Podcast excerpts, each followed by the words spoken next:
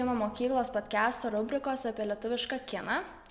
A, Aš šį podcast'ą vesiu aš, Rugilė, antro kurso režisūros studentė. Prie manęs sėdi režisierius Jonas Trukanas bei scenaristas ir režisierius Titas Laucius. Sveiki. Sveiki. Sveiki. Taip, tai dabar apšilsim šiek tiek su žaidimu. Aš jums pasakysiu filmo pavadinimą ir jūs turėsit spėti, ar čia šitas pavadinimas priklauso romantiniam filmui ar siaubo. Gerai? Puiku. Reikia kelt ranką. Reikia, jo, kaip mes darome. Galit, galit iškart sakyti. Um, Gerai. gerai. Dar vakar. Romantinis? Romantinis, tikrai. Taip. Teisingai. Čia yra toks filmas? Taip. Gerai. Gerai. Gera pradžia pasidarbo. Antras šansas. E, Kuris čia pavadinimas yra filmas? Antras šansas. Ai, antras šansas. Antras šansas. irgi. Antras šansas skamba kaip siaubo filmas. Second Aš, chance. aš sakyčiau romantinis, nes gali ir taip ir taip. Romantinis. Romantinis. Va, matai, ai, iš tikrųjų siaubo filmas, aš dažniausiai antro šansų nebegaunu. Nu, aš galvoju, tu jį matėjai, nes nė- nėra tokio filmo, kad nematė siaubo. Gerai. Trečias viltis. Gali ir taip ir taip būti, bet uh, aš gal sakysiu siaubo. Aš irgi sakysiu siaubo. Romantinis? Taip, romantinis. Ar daug vilties būna savo filmuose? Nu, turi būti vilties siaubo filmuose, nes kitaip, uh, žinai. Vil- Viltis miršta paskutinė, Taip. realiai. Taip. Žinau, ką veikėjai aną vasarą. Siaubo. Siaubo. Gerai. Čia Aš jau būčiau, aš jau būčiau įsigandus, jeigu Bet čia žinoję. Mūsų kartos, tai čia įžė. Septynios sielos. Seven Pounds čia yra tas filmas, tai čia kaip romantinis. Aš Čia tiesiog su Vilas Smitu. Su Willu Tai aš jo nemačiau, bet atsimenu, kad mokykloje kalbėjo apie šitą filmą. Gerai, vidurnakčio masė. A, tai siaubo, taip, čia serialas. Taip, Netflix'e. Taip. apaštalas. A, siaubo. Žiūrėjot? Taip. Taip. Patiko? Ta, Netflix'e. Jo, jo, čia irgi su, su tuo žmogum, kuris vaidino, kuris dar vaidino. Ten, kur kultas kažkoks, kur Jo, kuris atvažiuoja į salą kažkokią, man atrodo, ar kažkur jo, ir vyksta kultas. Man nelabai patiko. Man irgi. Bet pradžia žiauriai įdomi, Lovecraftinė. Jo, jo, bet paskui jie kažkaip... Tai šiaip rekomenduotumėte žiūrėti ar ne? Kas va dabar klauso? 20 minučių rekomenduočiau. Jo, o paskui išjungti ir eiti. Yra geresnių, yra geresnių. Kuriuos visus galima pažiūrėti, pilną filmą. Taip. Bet reikia atsisiųsti arba nusipirkti, kaip nusipirkti, nusipirkti. Nusipirkti, bet atsisiųsti negalima. Negalima. Kitas filmas Endless. A, čia yra siaubo filmas. Jūs tai įsitikinęs? Aš taip galvoju, kad čia irgi filmas yra apie kultą. Čia Na, Jonas sako. Čia kaip Ne? suprast. Jeigu apsigautume. o jūs ką sakot? O, Endless. Man atrodo, čia iš jūs fantastinis kažkoks. Ne. Čia romantinis. Tai Endless Hope. Endless Hope. Jo. Štai. Slėpynės. Siaubas. Su Robertu Taip. De Niro. Taip, taip, taip. Taip. Auklė. Siaubo. Taip. Veronika. Siaubo. Palauk, Veronika. Veronika. Palauk. Veronika skamba kaip, kaip, kaip, kaip, kaip moteris, kuri galėtų būti siaubo filme. Taip, taip. Jeigu ji būtų siaubo jo, filme, jo, jos, jo. jos vardas būtų Veronika. Veronika. Ne, Jo, čia. jo, čia nes, neseniai išleistas filmas Veronika. Štai, man net neteko ją Tai matyti. įsivaizduoju, romantinis tada. Siau- Nesiaubo, Ai, jis sakė siaubo? Taip. Aišku. Taigi Veronika. Veronika tikrai yra siaubo filme.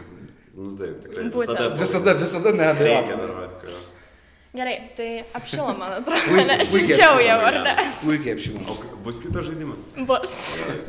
Jau spoilinam klausytojam. Gerai, tai dabar rimčiau, rimtesnėm temam.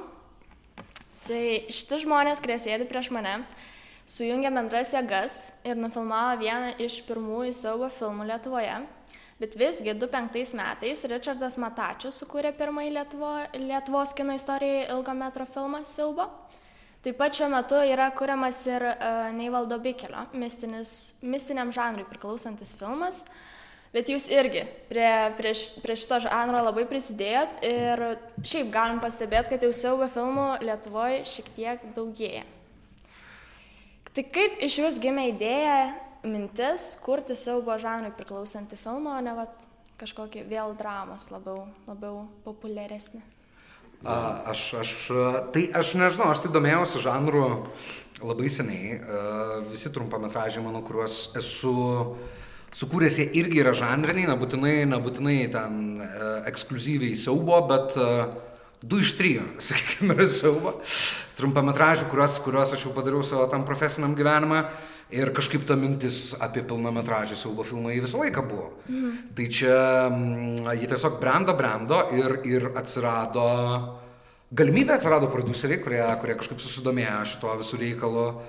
Ir tiek, tai tokia ne, ganėtinai neįdomi istorija, iš tikrųjų, kaip tas filmas pirmiausia atsirado ir paskui, jo, mes e, kažkaip vat, pakvietėm Titą prisijungti rašyti šitą filmą ir jis, ir štai, ir filmas yra padarytas. Ne, bet aš nežinau, kaip idėja gimė iš tikrųjų. Kaip idėja gimė? Ai, nu, kaip idėja gimė, filmas vadinasi Rūpintojėlis ir jis, jis šį prasidėjo nuo to, kad aš galvojau, aš tokį vaizdinį prisimenu gyvenime, kur aš važiuoju mašina, yra tamsu, aš kažkokiam kaime ir aš važiuoju gal kažko pasiimti, kažkokį vakarėlį, tai yra labai kažkokia keista situacija.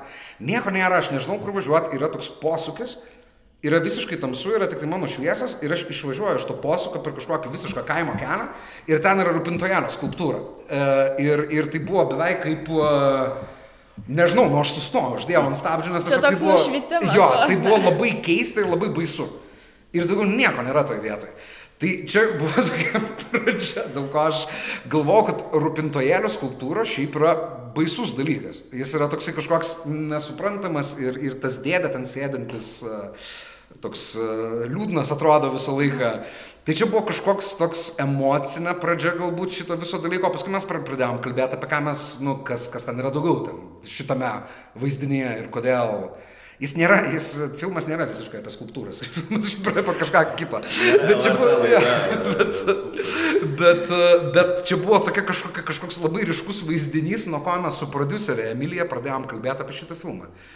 O ką aš Titui pasakojau pirmą kartą apie šitą filmą, aš jau nebeprisimenu. Sakiau, kad mokyklos išleistuvės turi būti turbūt, ne?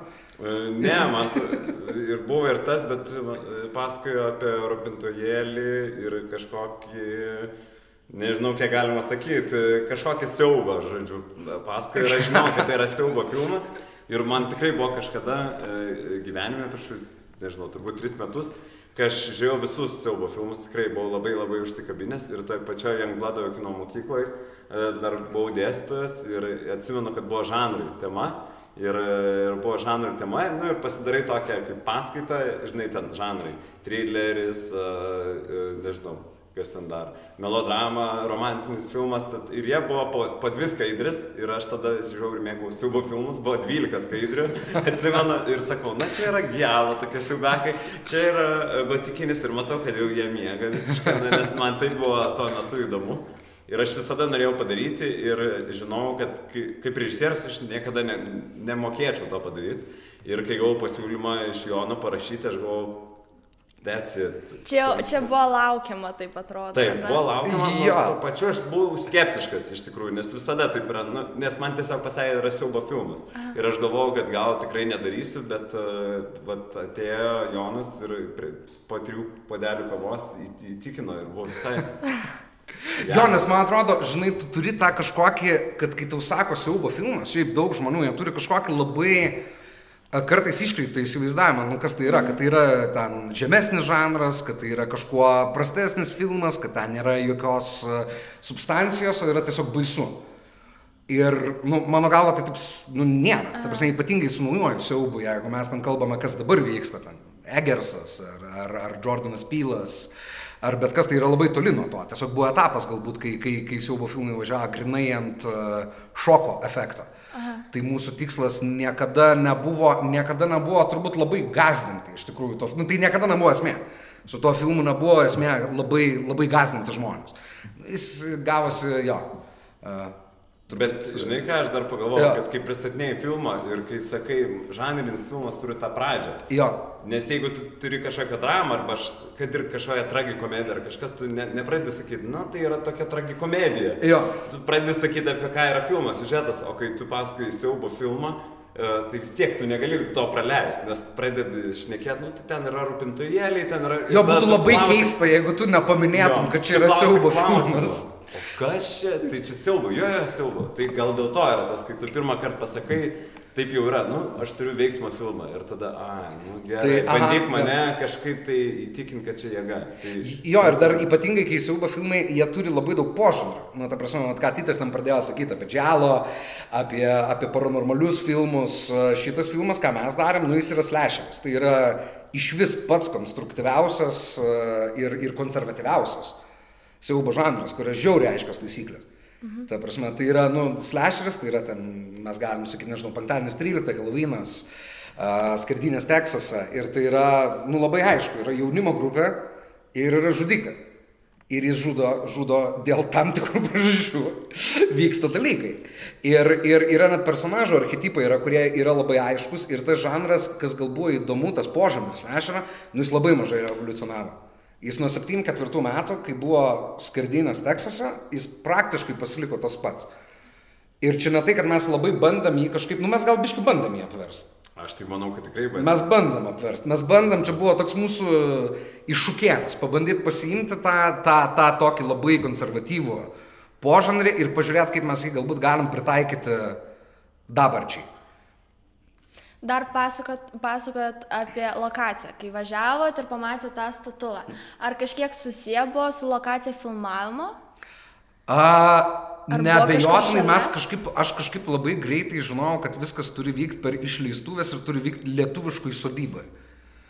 Ir kodėl čia tai buvo, aš net nežinau, iš kur tas, tas prasidėjo, jis prasidėjo, prasidėjo nuo temos, iš tikrųjų, nes tema yra, siaubo filmų tema niekada nėra apie baimę, siaubo filmų tema yra vis tiek, ji turi būti apie kažkokį žmogišką dalyką. Uh, ir, ir, ir tos išleistuvės, aišku, žaidžia ir su, su, su mūsų filmo, tam aišku, mes labai abstrakčiai kalbame čia šiuo metu, bet uh, jo, sodyba, lietuviška sodyba, tai yra dar vienas dalykas, kuris... Uh, jis, jo, yra baisu. Nu, tiesiog tai yra, tai yra kažkokia vieta, kur galėtų čia gal iš vaikystės kažko susifiksavęs, kad yra pirtis ir yra palėpė ir girgždančius grindis.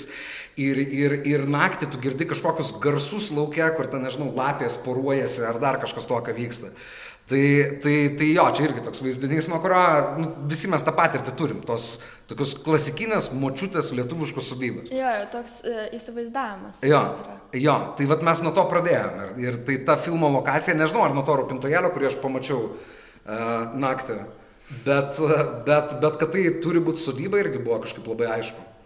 O išleistuvės irgi yra ganėtinai baisus dalykas. Tai, e, gal kas patirs ir supras, bet puikiai tinka siaubo filmo žanrai.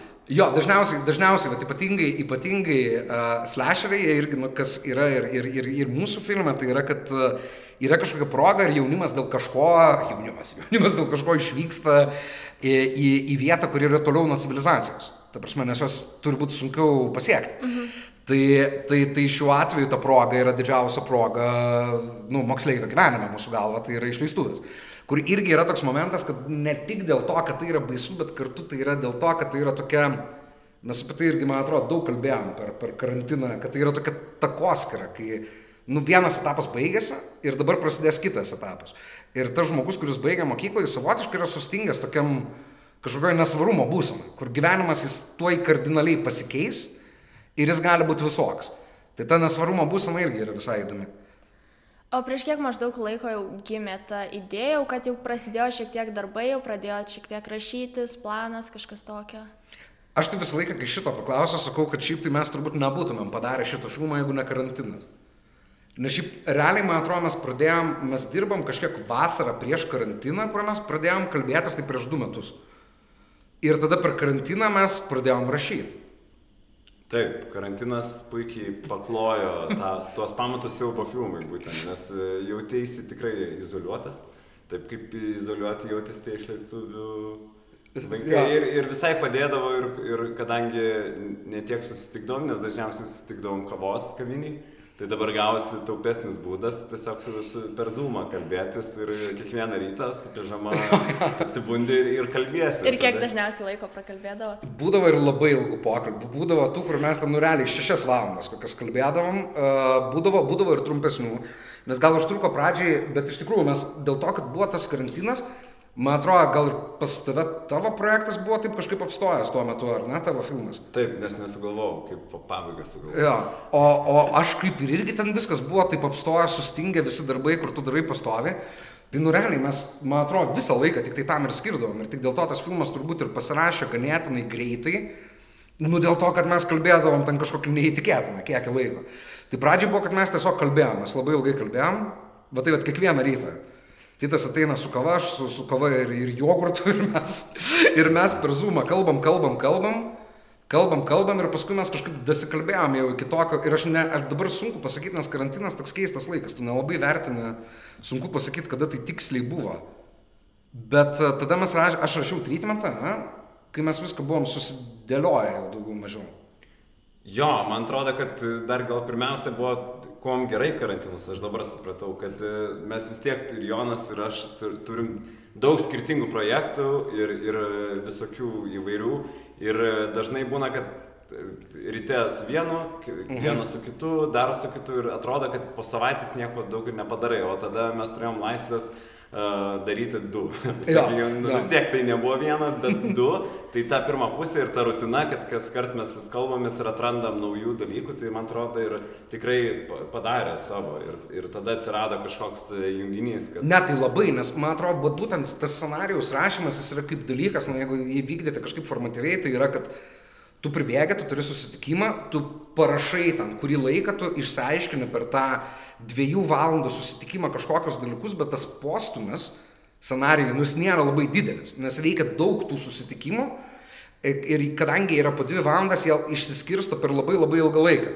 O mes tai darėm labai koncentruotai ir, ir, ir dėl to tas, nu aš nežinau, mes turbūt nuo to, kai mes tam pradėjom kalbėti, parašėm filmą per metus kažkur tais, iki tokio jau dalyko, kuris būtų skaitomas. O vis tiek, kai, kai rašėt, jūs rašėt per Zoomą, taip gaunasi. Kaip, kaip jūs, ra, jūs rašot, nu nes dabar aš bandau įsivaizduoti, jūs kalbatės, ar jūs kartu ir rašot, ar labiau pasišnekat ir kažkas, ir pažiūrėti tas parašo? Kaip vyko tas visas procesas scenarijus? Nu, mes buvom pasiskirstę darbus, kad mes kažkaip tai, e, mes kartu susidėliojom tokį struktūrinį žemėlapį. Mhm. Tai čia buvo per, per, tai vyko internetu per karantiną, kur mes tiesiog kalbėjome apie skirtingus, e, apie personažus, apie skirtingus dramaturginius taškus. Tada mes apsirašėm gal drauge kažkaip tai personažus. Ir tada aš parašiau pirmą, pirmą, pirmą traktuotę, treatment. Nu, tai planas. Jo, planas. Nu, tai yra dešimt, dešimties, dešimties puslapių toksai išplėstinis planas. Tada, man atrodo, ir mes buvom susitarę, kad vienas parašo, kitas perrašo. Nu, tai mes nerašydavom kartu, tai buvo tiesiog, kad aš nusinčiu titui, mes pasikalbam, titas perrašo, tada jis atsiunčia man, tada aš dar kartą perrašau ir tada mes pasiekam kažkokį lygį, kur mums jau ta traktuotė dešimties puslapių dokumentas patiko ir tada titas rašė pirmąją scenarijos versiją. Pats be, be, be, be intervencijos mano.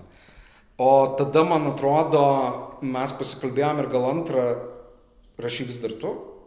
Man atrodo, kad aš rašiau du ir tada jau tu rašai visus. Jo. Jau trūko kantrybė paaiškinti. Kas ne, netrūko atrodo, kantrybė, tu pradėjai dirbti prie savo filmo. Aš juokauju, juokauju. Viskas, iš tikrųjų tai buvo labai geras šitas procesas, kad uh, Nes kai kartu rašai, na, čia skirtingai yra visai, bet man atrodo, kad pradžioje per tą struktūros įsiaiškinimą, kas yra smagu, aišku, pradžioje yra tikrai, e, atrodė, pažiūrėjau, tas siaubo filmas, tas lešeris, e, atrodė, o, čiagi fainiausias dalykas yra tai, kas mirs paskutinis, kas mirs pirmas, jo. o gal šitą nužudom čia ir pradžioje buvo tikrai labai linksma, o, o gal paliekam ją gyvą.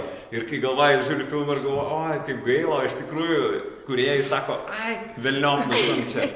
Ir po to, po kelių savaičių supratom, kad nėra taip uh, lengva. Visiškai. Kaip, sakė Jonas, kad yra tas konceptas, uh, slasherio jis yra griežtas ir negali taip paimti ir, ir, ir, ir nužudyti. Jo, nes pas, mus, jo reikia. Nes pas mus buvo daug tokių minčių, kurios buvo tokios tiesiog, kai tu rašai, yra, kas tave dažnai labai stumia į priekį, nes yra kartais sunku nu, galvoti apie tuos didelius dramaturginius klausimus. Ar personažas jis pasiekė to, ko jam reikia, ar nepasiekė. Ir dėl to yra labai smagu pagalvoti, nu gerai, o kaip mes galim va čia smagiai nužudyti žmogų, kad būtų, kad būtų mums smagu. Lape, lape, lape, lape, lape, nerealiai. Ir tada ta ateina mintis, iš kurios mes pasijokėm ir gerai praleidžiam laiką, bet tada Nes vis tiek siaub, nu, bet kokiam žanrui, iš tikrųjų siaubo irgi labai turi būti ta vidinė logika. Nu, tai jeigu mes užduodam, kad sveiki, pas mus pasaulyje dalykai veikia taip. Nes, žinoma, filmas vyksta Lietuvoje, bet yra tas žanrinis pasaulis, kad čia yra tokios taisyklės. Ir, ir, ir mes jas susigalvojom, mes jas, net jeigu net jas apsirašę, man atrodo, buvom kažkuriame etape, kaip čia veikia, kaip veikia vidinė filmo logika. Ir tada tu matai, kad kai kurie dalykai, dramaturginiai dalykai arba dalykai, kurie tau buvo smagus, jie absoliučiai netinka į tą logiką. Ir, ir tada yra labai didelis noras tą logiką laužyti ir sakyti, čia tokia išimtis mes įdėsim, šiaip tai čia ta logika egzistuoja, bet mes vat įkišim. Ir tada nu, neleidžiam vienas kitam to daryti, nes ta logika turi išlikti. Bet, bet jo, rašydavom, rašydavom mes taip, vienas, vienas padarydavo didelį darbą, nes man atrodo, kartu rašyti, viską mes būtumėm tiesiog labai ilgai užtrukę. Man atrodo, priklauso nuo projekto, jo, jo, mm. bet iš tikrųjų, kai kada yra tam tikrų scenų, kur turbūt reikia jau, kad vienas parašo ar kitas parašo, bet šiuo atveju e, čia vėl mes išsirašėm visą planą ir mes žinojom, kas vyksta toje scenoje, toje, mūsų toks buvo darbas, nes man atrodo, mano manimu šiaip žanrinis kinas taip ir turi būti. Ne, ne, neišeina taip tiesiog, nebent pačioj pačioj pradžioje, kad gal surasti tą stilių, bet tai vis tiek yra toksai smegenų dalykas, kad vis tiek... Jo, nes jeigu neveikia, va čia, va čia va, apie ką Titas, man atrodo, kalba, tai yra tai, kad tu turi labai aišku planą ir labai aiškę logiką. Ir, ir neišeina tiesiog atsisėsti ir be tos logikos paimti ir parašyti, nes tada gausis, kad Ir man atrodo, taip ir paskui perrašinėdami. Kartais būdavo, kad jaučiu įkvėpimą, parašysiu sceną, nes žinau, kad mes turim problemą vienoje ar kitoje vietoje, reikia perrašyti. Ir jeigu tu nežinai, kad tu rašai, o tu galvoji, aš atsisėsiu prie lapo ir dabar čia vat leisiu, savo parašyti taip, kaip šiuo metu galvoju, dažniausiai labai greitai pamatai, kad nu, tas dalykas jis netitinka, jis netinka. Jis, jis yra smagus, bet jis netinka prie tų taisyklių, kurias mes patys savo susikūrėm. Jo, nu paprastai tariant yra, kad e, čia, čia ypatingai vėliau, kai parašai pirmą versiją ir tada e, po dviejų savaičių, jeigu geriausiai turi laiko, geriausiai skaityti po dviejų savaičių, Nes tada pradedi, pavyzdžiui, jeigu parašai ir skaitai kitą dieną, tada atrodo labai skauda išmesti bet ką, nes tu vakar rašai ir krūvinais pirštais. Bet į po dviejų savaičių arba po mėnesio, čia aišku tokia prabanga jau, bet pradedi skaityti ir jau tu objektyviai žiūri ir galvoji, oi, čia nesąmonė, čia tikrai nereikalingas dalykas ir tai tikrai yra geras taisymo būdas. Arba... Čia turbūt taip pat ir su vaizdu, kai, pavyzdžiui, operatorius, jeigu jis montuotų savo vaizdą, Ir kad labai sunku buvo nusifilmuoti, nu tai va, reikia. Jo, tai čia mes, kadangi abu dabar su Titu Titas prie, prie, prie savo pilnametražio filmo, mes jau kaip ir pintojelio montažą baigiam. Bet tai yra visiškai tas pats dalykas, kur aš prisimenu, kaip buvo sunku filmuoti šitas scenas, kiek mes ten vidury nakties ten praverkėm ir kiek klimpom į kažkokias ten vandenis ir į ežerus ir kaip ten viskas krito ir kaip buvo sunku. Ir tada yra tas emocinis prisirašymas, kad nu, mes matom, kad neveikia. Mes matom, kad neveikia šitas dalykas ir iš jį reikėtų išimti. Bet yra labai sunku, nu, kaip ir būtent operatoriai mato gražius kadrus arba tuos kadrus, dėl kurių jie labai stengiasi. Uh, aktoriai mato nukreiptą aktorinę sceną per pusę ir taip toliau ir panašiai. Tai... Arba nemato savęs filme. Tai yra dar daugiau. Aš, aš jau ruošiuosi šitam, nes... Yra... Aš irgi. Žinok, aš irgi. Buvo taip, buvo taip. Taip, bus. Jo. Ne, ir bus ir pas nu, bet labai pas mane, pas, pas Urpintojelį nedid, nedidelės rolės, bet... kai kurios dinksta, bet nu, vis tiek reikia žmogui pasakyti, kad čia... Ir čia dažniausiai yra absoliučiai ne apie tai, kaip yra suvaidinta. Čia yra grinai dėl to, kad tu matai kažkurio metu, nu, kad ne, neveikia, tai. nereikia. Ne, tai reikia reik savo prisimti kaltę. Ja. Ne, tai ne, tai taip, čia, čia, ja. čia mano kaltė, kad aš jūs kviečiau iš viso, atsiprašau. aš jau ruošiuosi. Bet taip yra. Tai jo, ne, ypatingai, bet, pažiūrėjau, irgi tam pačiam, bet siaubo filme labai matosi ir, ir čia ne tai, kad klaida, bet čia tiesiog tokia išvalga, kad kai kurios scenos ir tos, kur tu rašai, ir tos, kur aš rašau, žinai, jos tokios buvo stipriai per daug visko parašyta. Ir tada tu visko nusifilmuoji per daug, nes atrodo, kad tam tikrus dalykus reikia paaiškinti, kodėl čia vyksta kas. Yra ekspozicija, kuri dažniausiai labai matosi. Ir tada ta scena, kuri ten trūksta e, scenarijui, turėjo būti trys puslapiai, galiausiai gaunasi pusę, pusę minutės nes tu išimi viską, kas buvo, nu arba kartais dėl tempo, arba dar dėl kitų dalykų, bet jo. Tai, tai, bet šiaip gerai, kad bandėm paaiškinti, nes tada patys nebūtume supratę turbūt, ką rašom. Taip, tai jūs vieni iš tų svarbiausių šito filmo žmonių buvot, o kaip rinkotės kitą kūrybos, likusią kūrybos komandą visą? Čia gal Jonas. Aš e, buvau pirmame etape ir aš pasakiau sėkmės e, ir e, atidaviau lapą ir tada jau. Ir net Jonas. nebuvo aikšteliai. Nebuvau, nes tuo metu aš filmavau kitą filmą. Tai čia gavosi taip, kad mes vos ne vienas, jie filmavo, o aš filmavau savo kitą. Tai Jo, šiaip, ne, nu, Mes nes... vak vakarais susisiūsdavom tiesiog stilus tos kadrus, nu kaip tau sekėsi, oi sunku buvo, o žiūrėk, o fainas tavo, fainas kadras, gerai, sėkmės rytoj. Tai Jo, jo, čia iš tikrųjų labai padėjo ir man, nes visą laiką būdavo ir, ir pokalbių, kaip ir šiandien blogai, ir titas rašo, man irgi blogai, ir tada pasisunti kadrus, ir titas sako, nu va čia taip ir įsivaizdavau, arba kas čia dabar, žinai, ir, ir būdavo fainai, nes, bet mūsų toks ir susitarimas buvo, kad uh, titas dirba su mumis iki tam tikro laiko, nes jis paskui išeina tiesiog daryti savo filmą. Ir, ir, ir viskas. O kita komanda, uh, tai labai svarbu žmonės yra produceriai, nes jie iš tikrųjų ir surado pinigų, kurių šitam filmui nu, reikėjo nemažai. Uh, ir, ir jie prisijungė, Emilija prisijungė nu, pirmą iš vis. Tai buvo žmogus, kuris patikėjo ir pasakė, kad gerai, darom, bandom, nes iš tikrųjų nusiaubo filmas, jis, jis, jis nėra net... Lietuvoje mes nelabai turim kažkokios pavyzdžio, ar jis ten žmonės eitų, Mes galime spręsti pagal užsienio filmus, ar žmonės eina į užsienio siaubo filmus. Bet lietuviškai siaubo filmai, nu, kaip ir pati minėjai, buvo 2005, tai yra žiauriai, seniai. Iš tikrųjų, tai yra prieš e, dž- 16 metų, nu, tai prasme, jo, 17 metų. Tai, tai, tai spręsti, ar jis veiks ar neveiks kino teatruose, auditorijoje yra labai sunku. Tai va, tai buvo produceriai, kurie, nu, iš tikrųjų pradėjo Emilija su Donatu šitą projektą, o, o, o kiti žmonės tai yra operatorius, tai Rokas Šideikas, kurio aš tiesiog labai daug dirbęs prie kitų dalykų ir tai buvo kažkaip jo be, be klausimų tas žmogus, kuris turėjo šitą filmą filmuoti. Uh, aktorius, aktorius beje, davė visą castingą, kuriuo mes uh, labai džiaugiamės. Tai darė Marija Kaftaradze čia šitame pat kambaryje. Mes vykdėme. Šitame kambaryje? Taip, šitame kambaryje mes, mes, mes Taip, mes darėme. dabar sėdam kablį, Jangbledo mokyklos šitam patalpoj, kur mes mokomės ir čia ir vyko. Čia ir castingas. vyko. Taip. Mano filmo castingas vyko už gal 20 Ne, tai- metrų ir buvo žymiai mažesnis. Taip, bet Penkiais pala, kartais. pala, žiūrėk, dabar aš tau papasakosiu. Castingo procesas beje irgi buvo labai ilgas, nes Marija Sūgnė, nu jos padarė fantastišką darbą iš tikrųjų castingo, castingo režisierės, nes mes pabandam žmonių, nes tai yra tik tai jauni, nu iš esmės visas, visas, visi mūsų aktoriai yra jauni žmonės. Nes tai yra klasė. Jo, tai yra klasė, tai yra klasė. Ir, ir, ir, ir mes pabandom žmonių kiekį į skirtingas roles, mes tiesiog bandom, bandom šitą, bandom šitą, nežinau, šimtą. Ta prasme, kažkoks toks buvo skaičius. Ir tada mes atsirinkom kai kuriuos, kuriuos mes jau norim pamatyti pamatyt gyvai, tai pradžiai castingus darė Marija Sūgna. Ir tada, ir, ir tie castingai vyko tam mažam kabinete užsiemus. Ir tik tai jau, kai mes turėjom favoritus, mes darėm castingą šitame dideliame kambaryje, kad pasitikrinti žmonės su žmonėmis, kur yra, filmai yra poros, yra, yra draugai, pasižiūrėti, kaip jie veikia tarpusavį. Tai čia buvo paskutinis etapas. Tai va taip buvo surinkti aktoriai. O, o, o kiti žmonės, kurie dirbo prie, prie filmo, tai yra, vėlgi, tai yra arba žmonės, su kuriais man yra tekę dirbti, tai yra, mes turėjom tenais nemažai kraujo prostetikų, tai yra labai nedaug žmonių, kurie tai daro Lietuvoje, tą specialų, specialų makiažą, spe, spe, special make-upą. Tai irgi buvo Jelena, su kuria daug, daug teko dirbti prie panašių dalykų, tai taip kažkaip ta komanda ir, ir susirinko. O kaip galiausiai įtikinot, kad vat, būtent jūsų filmą reikia finansuoti? Čia klausimas, aš neįsivaizduoju, kaip Emilija įtikino žmonės, man vis dar tai yra paslaptis.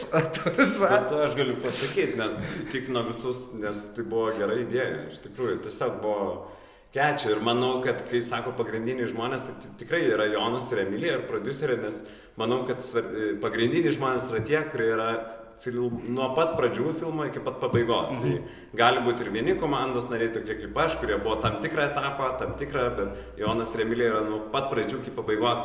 Ir kino kūrime, manau, tai yra sunkiausias darbas. Išbūti atrodo jokinga, bet iš tikrųjų išbūti ir laikytis tos idėjos, pavyzdžiui, du metus ar pusantrų Jo. metų, tai vargina. Tai yra tiesiog viena Simpsons serija. Ir, ir ypatingai yra tas nu, momentas, kad e, Emilija turi, e, vėlgi, jį, jį neša ant savo atsakomybę, na, ant savęs iš esmės dėl šito, dėl šito viso reikalo. Ir, ir tai yra, vėlgi, kodėl, aišku, yra, idėja yra smagi ir, ir, ir, ir filmas gavosi irgi šiaip smagus, bet, bet kaip Emilija įtikino žmonės investuoti šitą filmą, aš to pokalbio neįsivaizduoju, aš labai to džiaugiuosi. Bet ten yra kažkokia, nežinau, Emilijos magija ir, ir čia mes turbūt ir paliksime. Ne, ne, čia ir palikime šitą paslaptį. Gerai, dar šiaip labai įdomu, ar labai skiriasi, skiriasi darbas filmavimo aikšteliai, E, pavyzdžiui, ar kameros darbas filmuojant būtent tokius įtampą keliančias scenas skiriasi nuo, pavyzdžiui, filmuojant paprastus, nu, draminius, pavyzdžiui, filmus. Ar buvo kažkas specifinio su, su operatorium? Aš manau, gal čia kartais yra ne tik... Um, ne tik, mes turėjome labai mažai laiko iš tikrųjų nufilmuoti šitą filmą, mes turėjome 14 pamainų, beveik visas veiksmas vyksta naktį, Tai yra dar mažiau, nes mes kažkodėl sugalvojom, kad naktį mes filmuosim vasaros viduryje, kai yra, kai yra trumpiausios naktis. Um, ir iš tikrųjų mūsų gal prieimas buvo, aišku, yra momentai, kurie, kurie, kurie turi uh, išreikšti tą įtampą, bet svarbiau mums galbūt buvo ta vizuali strategija, kaip tai padaryti per ganėtinai trumpą laiką, kad scena veiktų. Nu, pavyzdžiui, jeigu personažas yra slepiasi spintoje, uh, mes turime sceną, nu, kurios yra nufilmuotas iš spintos. Tiesiog visa scena yra pro spintos tarputį. Ir tai duoda keletą momentų. Tai duoda, aišku, aišku tai duoda subjektyvę kamerą, mes susitapatiname su personažu. Kartu mes per spintos tarputį matome labai nedaug. Kas reiškia, kad mes tai galime daryti greičiau, tiesiog. Uh, tai tie sprendimai, jie kartais yra, jie kartais yra žinoma, uh, tai, jo, tai, tai žinoma yra svarbus dramaturginės vietos, kurias mes turime išryškinti. Bet kartu tai yra praktiniai sprendimai. Um, tai čia aš nemanau, kad siaubo filmo filmavimas kažkaip labai skiriasi nuo bet kokio kito filmavimo. O darėtės kadruotės? Uh, mes konkrečiai kadruočių nesidarome, mes darėmės uh, kadrų planus. Tai yra mes piešiamės viską iš viršaus ir dėliojamės kameros pozicijas. Mm. Uh, šotlistą, tai jo, tai darėme šotlistą ir, ir mes uh, dirbame, dirbame su vaizdu iš viršaus, ten piešiamės personažų trajektorijas ir visus kitus dalykus, kaip jie gali judėti. Jo labiau pas mus yra labai daug scenų, kur, kur, kur yra kamera iš rankų ir kartais yra septyni veikiantys žmonės scenoje. Tai, e, tai ten kartais tiesiog mes išeidavom į visišką, ne tai kad gaudimo momentų, tai viskas buvo apgalvota, kaip mes tai darysime, bet, e, bet jo, kamera, kamera kartais tiesiog buvo gyva ir reaguodavo į tai, kas vyksta. O šiaip, bet įdomu jūsų abiejų paklausti, ką jūs manote šiaip apie kadruotės?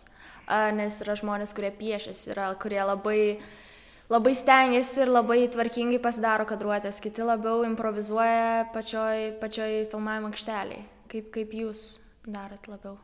E, mes tai priklauso, aš nežinau, priklauso ir nuo operatoriaus, ir nuo lokacijų. Man atrodo, kad uh, pavyzdžiui, e, Junktinėse Amerikos valstijose kadruotės labiau turi reikšmę dėl to, kad jie turi studijas, pavyzdžiui, kad jie turi tokias lokacijas, kur tau telpa kamera ir taip toliau ir tu gali labiau laviruoti kameros judesį. Mhm. Ne? Ir kaip, kaip tu gali tai pateikti. Mes turim tokius kitus dalykus, tai yra praktiškai. Gerai, mes galim nusipaišyti kadruotę, kad e, mes turėsim, va, to, to, nu, ne visada mes turim tiek vietos, kiek šitas uh, castingo, kai kurių kabinetas.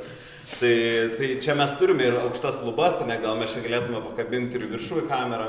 Dažniausiai, kai tau reikia restorano, tai tau plus ateina ir pasako, kad šito drakono kiniečių restorane negalima patraukti, reiškia, jog tu turi 2 metrus kamerai, tai reiškia, tu negali imti bėgių ir daryti aplinkui kokio nors kadro. Tai reiškia, tavo kadruotė, kad ir eina, eina pro langą. Eina šiek tiek jo toliau. Dėl to, bet tikrai, šiaip aš tikrai norėčiau padirbėti kadruotėm ir man patinka, kai būna tai, bet šiuo metu va, tas vadinamas kadrų e, sąrašas mhm. padėdavo geriau ir schemos iš viršaus. Jo, schemos, schemos, nes man atrodo, ką yra svarbu suprasti, bent jau iš tos patirties, kad būtent ką sako Titas, kad kartais jos kadruotės yra tiesiog nenaudingos, nes jos netitiks realių filmavimo sąlygų. Tada nutinka dar tas dalykas, kad jeigu tu jau esi nusipiešęs, tai tada su juom yra sunku atsiskirti ir tada gaunasi, kad tau dar yra ir liūdna dėl to, kad tu negali taip nufilmuoti, nes tau neleidžia uh, tam tikrai apribojimai. Labai yra svarbu žinoti, mes kaip darėme, kad tiesiog dramaturgiškai tu susižymė svarbiausias scenos vietas, susižymė pokyčius ir tu galvoji, kaip mes čia reprezentuojam šitą dalyką ir tai yra esminiai kadrai, ant kurių laikosi scena. Visa kita yra ganėtinai montažinis darbas, kai, na, mes galvojame, okei, okay, tai jeigu vyksta čia tai, kas vyksta kitur, kaip mes tai galime parodyti e, ir, ir, ir kodėl mes turime tai parodyti. Ir galiausiai jo, kokia, ko, ko, kaip šiaip šiuo metu jaučiasi mūsų pasakojas, kaip jaučiasi kamera. Tai aš kadruotės, pavyzdžiui, aš manau, kad sudėtingom scenom, kuriuose, pavyzdžiui, yra daug vizualių efektų, daug, e, daug, daug specialių efektų, kadruotės veikia vien tik dėl to, kad visiems būtų aiškiau Tiesiog visai komandai, nes dar yra ir kiti departamentai, tai yra dailė, kuri turi padaryti vieną dalyką, tai yra vat, būtent make-up departamentas, kurie turi paruošti kažką, tai ir jeigu tu sakai, žiūrėk, mes šiandien filmuosim tokį dalyką ir tu parodai paveiksliuką, kaip bus. Tiesiog visiems yra aiškiau. Um, jo, papildys, kad kaip pavyzdys, vat, parodo Jonas kadrą ir tada dailė klausia, o va šitą vazoną šitas matysis ar ne? nes šitas vazonas yra svarbu ar ne, nes jiem tai kainuoja ir kaštus, ir tas, ir tada tuom yra gerai kadruotis. Bet dažniausiai, jeigu prispaišys kadruočių, tada bus, mes atnešėm už 500 eurų iš tų dalykų, kur nėra kadre, tai kam mes tada, prasideda tokie dalykai. Arba atvirkščiai, kad sako, šitos pusės jūs sakėt nematysit, o tada, žinai, persikadruoji, kitas objektyvas ir pamatai, kad čia yra tiesiog plina balta siena. Tai... Jo, šitas vis laikas skaudžiausias būna, šitas... kad tik sakėt nematysit. Tai. Nu, bet mes dabar pagalvojom ir pakeitam, bet ir tada visi stovi ir sako, betgi sakėt nematysi. Ir tokie dalykai, nu, jie, jie keičiasi. Ir man atrodo, dar, dar kad ten kažkokia aiškesnė situacija, nu, mes pavyzdžiui, turime efektinių kadrų, kur yra durima į kažkurią kūno vietą, ten peiliu ar dar kažkuo tais ir ten trykšta kraujas. Tai mes turim aiškiai ganėtinai žinoti, į kurią mes vietą konkrečiai durime, nes jeigu tu pasakysi į pilvą, tai niekam nebus aišku, kaip tai, kaip tai padaryti. Ta prasme, mes turim sakyti, tai žiūrėkime, čia yra dešiniai pusėje, tokia, žinai, tokia konkreti vieta, kur tai įvyks šitas dalykas. Nes tada mums reikia pratiesti šlangas, iš kurių bėga kraujas, tada mums reikia pasiruošti žaizdą, e, kuri uh, ir visi kiti dalykai. Tai čia, man atrodo, kadruotas labai veikia bent jau na tokiam lygmenyje, kur mes turbūt dirbame, jos veikia aiškumo vardan, o, o, ne, jo, o, ne, o ne kažkaip kitaip. O dar grįžtant prie scenarijaus, ar jis kažkiek keitėsi filmavimo metu? Uh, buvo galbūt keletas vietų, kur ap, apgalvotai, apgalvotai buvo išmesta, befilmuojant, tiesiog tai išmesta. Keitėsi. buvo vietų, kur aktoriai improvizavo, kur, kur, kur mes dažnai leisdavom improvizuoti ir, ir, ir kai kurios tos scenos labai labai gerai veikia. Yra iš tikrųjų vienas personažas, kuris scenarijų neturėjo nei vienos eilutės. Jis dabar turi krūvą eilučių, nes, nes uh, modė. Modestas. Jis turi eilučių? Taip, taip, žiauriai daug. Bet vad žmogus tiesiog susikūrė, susikūrė savo tekstą ir, ir tai puikiai veikia. O kas buvo svarbiausia būtent filmavimo aikštelėje, dirbant su aktoriais? Su aktoriais mes labai nemažai repetavome prieš filmą, nes mes, tai vėlgi, iš vienos pusės yra praktinis sprendimas, nes mes žinojom, kad mes neturėsime daug laiko filmavimo aikštelėje ir reikės tai daryti ganėtinai greitai. Kitas dalykas buvo, kad tai yra klasė ir šitie žmonės, jie turi, nu, jie turi vaidinti pažįstamus 12 metų. Dėl to mano toks labai didelis ir svarbus dalykas buvo kažkaip praleisti daug laiko ir kartu kartais net nerepetuojant, o tiesiog sėdint arba žaidžiant improvizacinius žaidimus arba dar, kažką tais ir mes bandom sukurti tą santykį, santykį tarp personažų. Tai e, ir mes net ir važiavome tą pačią lokaciją, net nefilmavimo metu, mes ten važiavom visi savaitgalį ir mes ten nakvojame ir lakstam tos, po, po tos namus ir taip toliau ir panašiai. E, jo, viskas buvo tam, kad tiesiog visi labai gerai suprastų, ką kiekvienas aktorius daro kiekvienoje scenoje. Tai dirbant aikštelėje, iš tikrųjų svarbiausia buvo įgyvendinti tai, ką mes esam surepetavę. Gerai, dabar pakalbėkime apie spalvas, nes mano nuomonė, siaubo filmas yra ypač svarbu spalvos. Ir tai kokios spalvos vyravo rūpintojėlį, ar, ar tiesiog kokias stengiatės išgauti? Nu, man atrodo, čia yra toksai prieimas, jeigu tu turi iš kompozicinės perspektyvos, mes turime RGB gamą, a, tai yra raudona, žalia ir mėlyna, kažkurios spalvos reikia atsisakyti tiesiog. Tai kad kadre turėti harmoniją, viena iš šitų spalvų turi, turi kadre dažniausiai neegzistuoti. Čia toks labai paprastas prieimas. Tai mūsų prieimas buvo toks, nu, kad raudonas tai yra kraujas pas mus, tai mes vis tiek matysim, o, o žalias tai yra miškas, nes filmuojam vidury miško. Nu, tai vadinasi, o vanduo yra, o vanduo yra naktį, tai jis yra juodas. tai, nu, aišku, e, esminis dalykas buvo raudona. Mes turim labai daug raudonų motyvų įvairiausiose vietose, nes tai yra ir grėsmės spalva, tai yra ir, ir, ir, ir galiausiai spalva, kuri yra labai ryški ir labai aiškiai reprezentuoja turbūt šiaip apie ką siaubo filmai yra, tai čia buvo toksai prieimas, bet mes vengiam, vengiam mėlynos spalvos, kaip manydami filmo metu. Gerai, pažaidžiam. Pažaidžiam. Dabar tiesiog čia paprastesnis žaidimas, tiesiog pasakysiu du dalykus ir jūs ant greičio pabandykit kuo greičiau atsakyti ar tas ar tas. Galite ir kartu sakyti. Gerai, pradedam psichologiniai ar skirtiniai filmai. Siaubo. Štai mes ir skiriamės. Štai mes ir skiriamės. Po kiek čia laiko? Po 40 minučių įsiaiškinom, kuo šitie žmonės skiriasi. Ai, mes žinojom šitą nuo... Mes, aišku, žinojom šitą. Man atrodo, O bet rašant, ar buvo sunku, nes vienam patinka gal labiau per psichologiją eiti, o kitam peiliai ir viskas. Ne, ne. Tai kraujai. Ne, ne, palauk, aš norėčiau, aš norėčiau paminėti, kad aš nesu kažkoks peilių, uh, peilių O aš fanatas. nesu nerdas, tiesiog, kuriam patinka analizuoti. Man patinka, man patinka. Ne, Nėra, nėra, kad aš ateidavau ir sakydavau, tytai, pakalbėkime apie žarną šiandien. Taip. Ne, bet iš tikrųjų aš, aš vis bandžiau tą įsiterpti, kad tas filmas, kodėl jisai nėra, e, manau, klasikinis lešeris, jis yra vis tiek modernesnis, dėl to, kad, uh, bet čia vat, e, mes bandėm vis kalbėtis ir atsirado tai, kad e, kada atsiras tas siaubas ten, kada, nes uh, dažnai, man atrodo, per lešerį labai aiškiai pradžioj. Jo, tai yra, tai yra praktiškai dažnai išjudinantis įvykis, kada prasideda siaubas. Ir čia yra tam tikras, yra žanrų skirtumas. Jo, noriu pas mus, taip, pas mus siaubas atsiranda tiesiog vėliau iki tam tikro, iki tam tikro momento, tai yra tiesiog, na, filmas apie brendimo skausmus, turbūt mes taip, taip turėtume Ir aš vadinti. dėl to taip mėgstu labai, nes tai atrodo, kad e, gali būti, kad pirmoji pusė vieniem patik žmonėm, antra pusė kitiem, arba bus kaip, kaip man, nes man patinka tas e, katarsis gale. Nu, ta prasme, toks, sakykime, nežinau, Tarantino šį be to daro šitą dažnai labai. Tai Jo, tas, kur build up, ne, keliam, keliam, keliam ir tada staiga kažkas... Nuo, kažkur, nuo, jo, nuo kažkurio momento tiesiog keičiasi visiškai taisyklės. Bet man atrodo, mes apie tai ir daug kalbėjom, kad čia mes tai prašom ir tai yra gerai, kad mes tai darom. Ta prasme, kad, kad mes taip ir norim, kad būtų, kad iki tam tikro momento tai yra vienas filmas, e, o tada jis evoliucionuoja biškai į ką kito. Ir man atrodo, na, momentas, ką reikia pastebėti dar apie rašymą, kad nėra kito žmogaus Lietuvoje, kuris taip kaip Titas Laucius rašo dialogus. E, tikrai, ta prasme, Titas Laucius geriausiai rašo dialogus, geriausiai. Komentatoriai. Taip. Iššūkį, dabar va, tiek bus heito dabar, nu kam. Nu gerai, atsiprašau, reikės tada, tada aš galiu, ne, aš neatsiimsiu. Ačiū, bet Aš ačiū. neatsiimsiu. Gerai. Jo, bet e, žiūrėk, dar man taip atrodo šitas, e, ne, tiesiog, man, man atrodo fainas, dėl ko yra tas, kad pradžioje yra tas coming of age, yra tas, kad tu e, dėl puikių aktorių ir Jono režisūros, man atrodo, bent jau aš kaip žiūrėjau šitą filmą, man teko galimybę, e, tai, tai tu sus, jau jie pradeda rūpėti tau.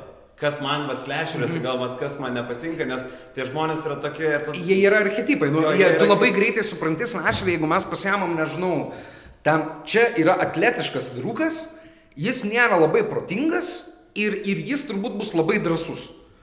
Ir, ir, ir, Empatijos jokios Jo. nėra. Tiesiog yra smagu, kaip jį nužudys. Tiesiog tu lauki to. O čia man patinka, kad, kad mes einam, einam ir tada tikrai prasideda tas ir tikrai kai kurių gaila, kai kurių nori, kad, o jėga, jėga, kai kurių, nu atsiranda toksai, ka- kas yra smagumas, čia nereikia bijoti, kad nėra nesveiki žmonės, kurie mėgsta slešerius ir sako, o jėga, kad kuo žiauriau, bet yra tam tikras toks perversiškas. Ne, tai taip, tai yra nuodė, ne, tai nuodėmė. bendrai, žinai, apie siaubo filmus, jeigu mes žvelgiame, tai siaubo filmai mums suduoda distanciją nuo labai skaudžių ir baisių jausmų. Ir mes, nu, ir mes šiek tiek perversiškai, šiek tiek kažkaip nuodėmingai galime tuo mėgautis. Tiesa, mėgautis ne pačių mirties faktų ar ne tragediją, bet mes galime, jo, aš kažkaip su kažkuo kalbėjau, čia yra tokia savotiška emocinė vakcinacija. Nuo, žinai, tikrų tragedijų gyvenime. Nu, tu gauni vakciną. Nuo, nuo, nuo to, kad tu gali nuo to turėti distanciją, nes tai yra filmas. Tai yra filmas ir tai nėra tikras gyvenimas. Ir, ir, ir jo. Aš galiu pasakyti baisiausias lešeris. Žinot koks? Tomas ir Džeris. Tiesiog be kraujo ir niekada nesibaigiantis. Ten yra žiūrų, ta prasme, jeigu įdėtum kraują į Tomą ir Džerį, ten yra baisu. Ta prasme, su lygintuvu ten priploja ranką, ten ar kažkas, tai čia yra lygiai tas pats, man patinka, kad uh, Tomas, nes, nes paaugliai irgi turi nuodėmę, ten matom ir kad jam piliekų tai prispaudžia pirštą, kas yra, žinokit, aš susižeidžiau prieš dvi dienas koją, pirštą į fotelį ir man jisai pamelinavo ir tai yra baisu. Ir ta prasme, piliekautais yra baisu. Jo, bet tai, bet tai yra dalykas, kad jeigu tu esi patyręs, žinai, jeigu tu patyręs fizinį skausmą arba, arba emocinį skausmą, Tu žinai, kaip tai yra ir dėl to, ir dėl to tu gali įvertinti tai, kad tu matai ekrane.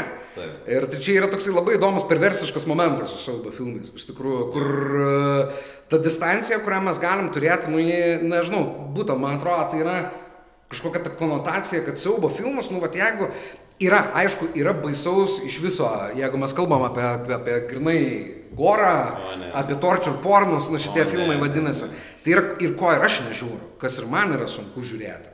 Bet yra tie siaubo filmai, kurie, nu, ir svarbiausia, man atrodo, kad tai nėra vien tik apie tai. Tai nėra vien tik apie tai, kad norisi šokiruoti žmogų mėsos kiekių kadre. Jo. Taip. Gerai, tai gal grįžtam prie žaidimas. Buvo žaidimas. Buvo žaidimas. Ateiviai ar zombiai? Zombiai. O, labai sunku. Gal zombiai, bet ateiviai zombiai kartu man būtų žymiai. Ir ka, taip, taip, taip, zombiai ateiviai. Zombiai ateiviai. Jie, kito filmo idėja. Taip, jie grįžo iš Marso, bet jau. Aš, ne, aš neabejoju. Aš, taip, tai aš vat apie tai ir kalbu, kad tai yra Iron Sky labiausiai turbūt, kur yra nacijai zombiai ateiviai iš kosmoso. Grožinė literatūra ar ne? Grožinė. Introvertiškumas ar ekstravertiškumas? Kitose žmonėse. Introvertiškumas. Intro yra saulė. Ja. Happy endings or sad endings? Na, aš sunkiai, aš, aš tai mėgstu, sakyčiau. Jo, man irgi turbūt toksai. Mėg, bet aš tai mėgstu tokias happy, bitter, bitter happy. Jo, kur, kur kaip ir gerai, bet, bet, bet kažko trūksta. Kažkas, jo, kažkas ne taip, kaip buvo, ne taip, kaip norėtum. Taip. Sunku pasakyti. Video žaidimai ar stalo? Abudu, abudu. Žaidimai. Abudu. Mes su, mes su Titu dėja, va čia va, susijungiame šitų nerdiškumo kažkokiu aspektu. Mes daug kalbame ir apie stalo, ir apie video žaidimus, taip yra. Taip. Tai reikia man tiesiog čia paruošti daug žaidimų. taip, viską. Žaidimų kuo daugiau. Žaidimų reikia kuo daugiau, taip. Marvel ar DC? DC. DC. Gerai, baigėsi žaidimas. Baigėsi? Viskas kaip smagu buvo. jo, tikrai labai smagu. Dabar nežinau, dabar, dabar paklausiu tokių, nežinau, gal įdomesnių, bet palikim kol kas rūpintojėlį um, už nugarų. Ir kiek, kiek aš bandžiau atrinkti informacijos apie Joną būtent, visgi daugiausiai jūs kuriate reklamas e, arba kažkokius e, trumpesnius filmus. Ir kas būtent jūs kaip režisierių influencino pereiti prie tokio ilgesnio filmo ir dar tokio žanro, kuris vienu metu labai nutolęs nuo realybės, bet to pačiu labai ir atspindi realybę. Jo, kas, uh, nu tai reklamų režisūra yra tai, uh, aš baigiau universitetą Anglijoje, aš grįžau į Lietuvą ir tai buvo galimybė dirbti ir, ir, ir tobulinti savo įgūdžius. Ir tai yra mano darbas, tai yra ką aš darau. O na, filmą norėjosi visą gyvenimą daryti. Tai čia nėra kažkoks naujas dalykas, čia yra tiesiog e, svajonė savotiška, kurią, man atrodo, ten kiekvienas turi žmogus, kuris baigia režisūros studijas, arba net nebaigia, nesvarbu, ta prasme, bet tai buvo tokia, na, gyvenimo svajonė, tai visą laiką buvo ieškoma ir būdų daryti tą filmą. Ir trumpametražiai filmai e, savotiškai, na, jie irgi buvo kažkoks pasitikrinimas kažkokių minčių, kurios yra uh, ar jos veikia, ar taip kaip aš galvoju, čia, čia, čia tai galima kažkaip padaryti ir pabandyti. Jo, tai čia nebuvo, kad e, kažkoks bandymas pereiti. Čia tiesiog buvo dalykas, kurį visą laiką norėjau daryti. A, tiek. Toks kontroversiškas gal klausimas, tai visgi seni ar šio laikiniai modernus filmai? Nes daug kas sako, kad modernieji labai nusivažiavę ir labiau susitelkia į tuos efektus, special efektus, ar kaip tik siaubo žanas tobulėja savo produkciją? Kaip manot? Čia apie siaubo filmą? Jo. Taip. Žiūrint, nu ką reiškia seni, aš nežinau. Sakyčiau, man, man tai nuo 90-ųjų iki 2000, nu ta prasme, čia bangavo. Jo, man atrodo, kad jeigu mes vertinam siaubo žanrą, tai buvo tie metai, kai ten kūrėsi siaubo žanras. Tai yra, va, ir krūvinos kardinės Teksase, iš vienos pusės egzorcistas, iš kitos pusės svetimas, iš trečios pusės uh, Džialo, uh, ten Suspirija ir, ir panašus filmai, tas siaubas turėjo labai daug ištakų. Ir man atrodo, kažkuriuo metu tiesiog siaubo, jis labai greitai evoliucionavo kaip žanras ir tada tam tikrų metų, na, jis biškai apstojo. Ir, ir mes gyvenam tokių perdirbinių pasaulyje kurį laiką. Ir čia, man atrodo, mes turbūt turėtumėm kalbėti apie etapą nuo 2000 metų, kai tai vyko. Uh, ypatingai su Blair Witchu, nes su Blair Witchu atsirado ir tas momentas, kad uh, Blairo raganos projektu atsirado tas momentas, kad siaubo filmus galima dar ir labai pigiai nufilmuoti. Ir, ir į tą pigumą mm, labai greitai metėsi, man atrodo, Hollywoodas dėl to, kad, na, didelė graža. O dabar, tai man atrodo, siaubo žanras išgyvena renesansą šiuo metu. Tai yra, aš gal tam pradžiai minėjau, Robertas Egersas, tai yra Ragana, The Witch, tai yra Šviturys, Lighthouse, tai yra Jordanas Pylas, Get Out, tai yra Midsommar. Midsommar. Jo, ir, ir, ir Hereditary. Jo. Ir um, It Follows, ir ta mergina, jo, kuri, mergina, kuri kūrė uh, Naujojo Zelandijoje. Ai, ta, kur Babaduk. Jo, dar. jo, Babaduk ir, ir, ir um, Galvoks Home Alone at Night, Titanė, net yra savotiškai irgi siaubo filmas.